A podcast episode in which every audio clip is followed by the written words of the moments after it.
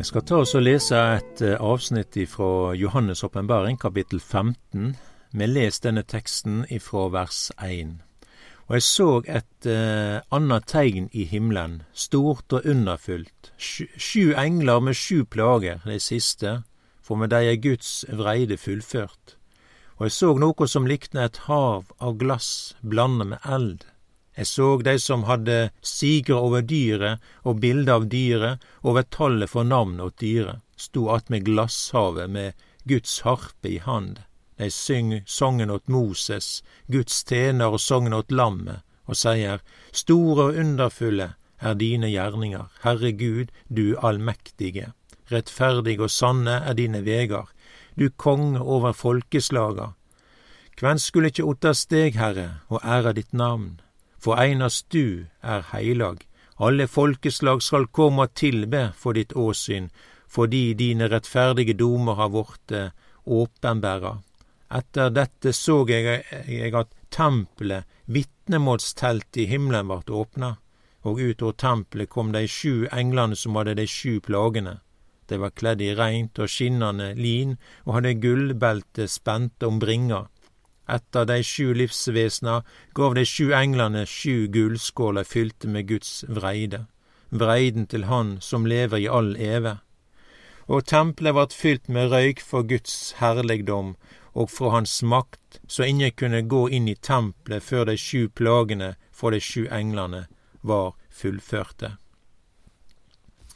Johannes sier at han ser et tegn i himmelen, og da er det noe som skjer i himmelen, og her er det viktige ting som, eh, og begivenheter som skjer. Det er ikke bare å lese sånn lett gjennom dette her, men her er det ting vi skal ligge oss på hjerte og sinn. Det har vært sagt til Johannes, skriv det du ser. Så her er det noe som skal noteres ned for at vi skal minnes, og for at vi skal vite disse tingene her. Og det ene som eh, vi ser da, det er her, altså det er jo tre engler som eh, venter på å fullføre dommen.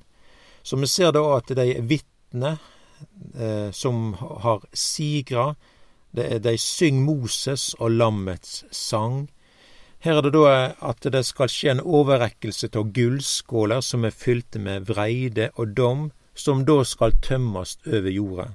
Og dette er de siste domkatastrofer over verden. Vi ser at her det er en referanse til Det gamle testamentet. De syng Moses' sang. Og her har vi da teksten til sangen. Og Det kan være greit å merke seg. Hva er det de syng? Det er to sanger vi har i Det gamle testamentet, sånn sett som en kan tenke på med Moses.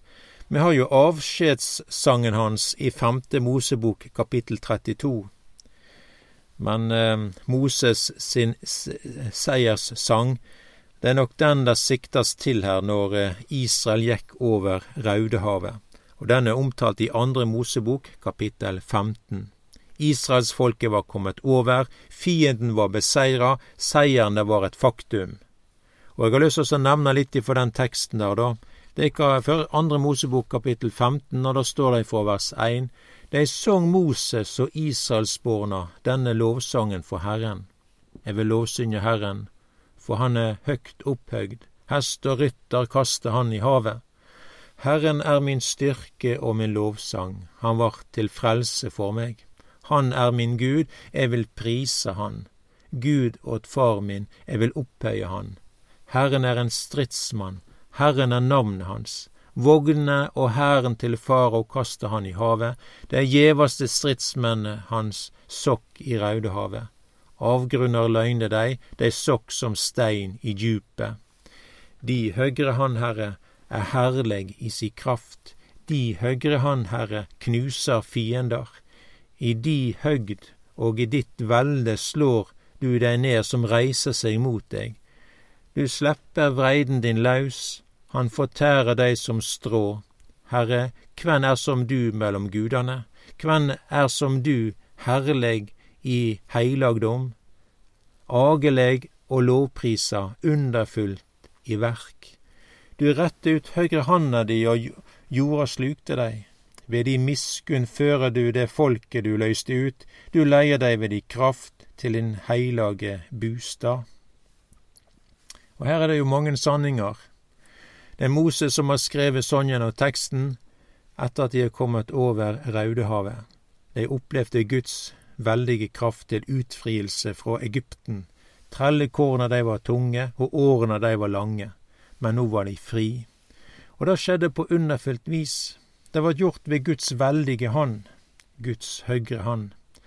Og jeg nevner vers 17 her og vers 18. Det står her at eh, du vil føre deg inn og plante deg på det berget som er din arv, Herre, på den staden du har gjort til bostad for deg, den heilagdommen, Herre, som dine hender har grunnlagt.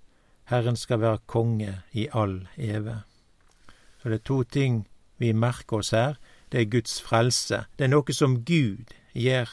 Guds frelse, Hans gjerning og Hans verk. Det er ikke noe mennesket bidrar mer på noen måte.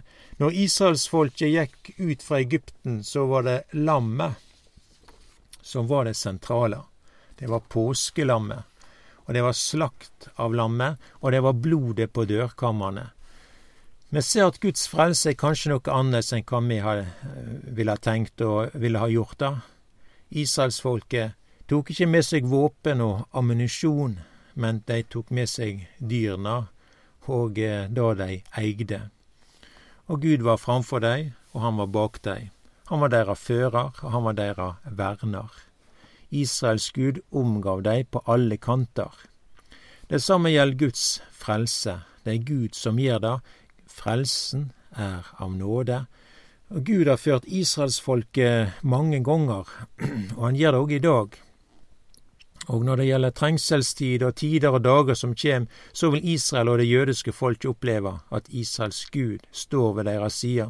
Han vil føre dem gjennom trengselstida, han vil være deres fører og deres verner. Han er framfor dem, og han vil være bak dem.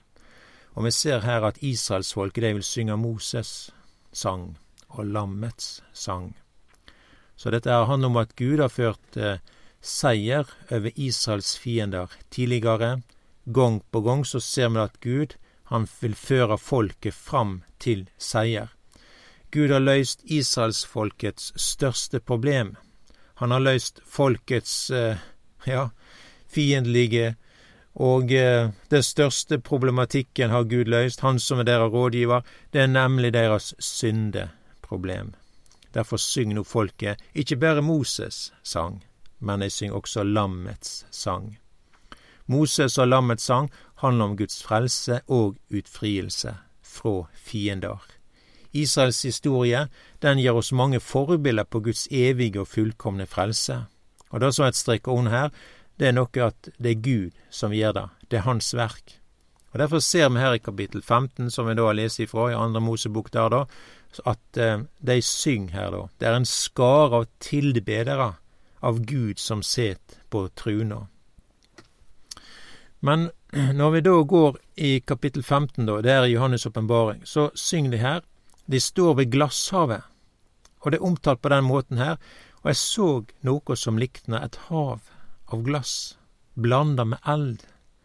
Jeg så at de hadde sigra over dyret og bildet av dyret, over tallet for navnet, og dyret sto attmed glasshavet, sammen med Guds harper i hand. Og havet i Bibelen, det er noe som er urolig. Det er folkehavet. Det er det stressende. Havet kan være farlig, og det kan være skremmende. Havet har ikke noe bærekraft i seg sjøl, du går igjennom. Så når vi leser da at havet er som glass, så er det uttrykk for noe som er stilt, noe som er rolig. Og når havet er som en speil, så er det noe som er fredelig og fint. Det er harmoni når fjellvatnet er der som en speil, eller når en kan speile seg i Middelhavet for den del. Da er det stille og harmonisk. Vi legger også merke til at glasshavet det var blanda med eld. Det betyr at her er det noe som er reint. Elden er blant annet det rensende. Det er noe som en kan brenne seg på, men samtidig så er det en renselse. Denne seier som her er vunnet, og som er omtalt, det er seieren over Antikrist og dyret. De har tapt, de har et stort nederlag. Antikrist er en taper. Djevelen er en taper. Vondskapens ånde her i himmelrommet, det er en taper. Djevelen har påført mennesket mykje nederlag og vondskap. Men her i Johannes' åpenbaring så er det ei sann glede å lese at alt det som har med denne vondskapen, med ulike titler og navn, er dømt til å tape. Deira nederlag er skildra. Den som sigrar, er lammet. Dei som sigrar, er lammets etterfølgere. Vi leser òg her i Bibelen at eh, ja, de som tar sin tilflukt til Jesus, skal aldri verta til skamme. Israels historie den viser gang på gang at når folk lever med Gud og følger Hans vei, så er det en vei til seier. Ikke noe hinder eller fiender har makt til å overvinne israelsfolket. De er aldri tapt, eller ja, Gud har stått støtt med dem. Gud har aldri vært rådlaus. Gud har aldri vært makteslaus. Det har aldri vært sånn at de har tapt i følge med. Ja, så, sånn er det i livet med Gud også. Israelsfolket opplevde en farao som en herre de var bunden til. De kom seg ikke ut fra Egypten, men Gud viser en vei til seier. Og følger den veien den gav seier. Israel sto ved Raudehavet, havet var et hinder. Men eh, og bak deg kom egypterherren med rytter og vogner. Det var noe som skremte Israel, men Gud førte dei ut av farene og gjennom Raudehavet. Fienden drukner i havet. Så det som vi lærer her og ser, det er å, og det å følge folkehavet, følge folkestrømmen, alltid er tapsveien. Og Dette er sånne enkle lærdommer, men samtidig så er det viktig å merke oss disse tingene her. Moses og lammets sang, det er sangen om Guds frelse. Det er om utfrielse fra fiender, prøvelser, freistinger, synd og straff og dom. Gud er mi frelse, det er ei frelse for et folk, en heim, en familie, men også for den enkelte.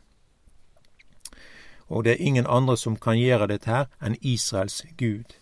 Og det som er innholdet i Moses og lammets sang, det minner meg litt om det som blir sunget i Salme 86. Ingen er som du mellom gudane, Herre, og ikkje noko er som dine gjerninger. Alle hedninger som du har skapt, skal komme og tilbe for ditt åsyn. Herre, og ære ditt navn, for du er stor, du er den som gir under, einast du er Gud. Lær meg, Herre, din veg, jeg vil ferast i di sanning, gi meg et udelt hjerte så jeg kan ottast ditt navn. Jeg vil prisa deg, Herre min Gud, av heile mitt hjerte, jeg vil ære ditt navn for evig. Når Gud frelser, så gjør han det på underfullt vis.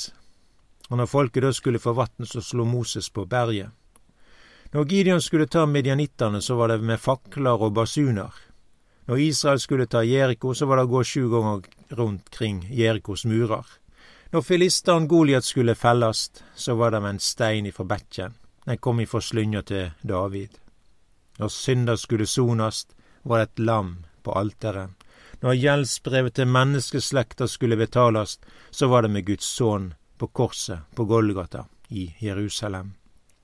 Når Gud henter heim brudeskaren til, ja, brudgommen, når bryllupssalen er ferdig, da skjer det med et bydende rop, og med overengens røst og med Guds basun, som kaller brudeskaren heim i et nu.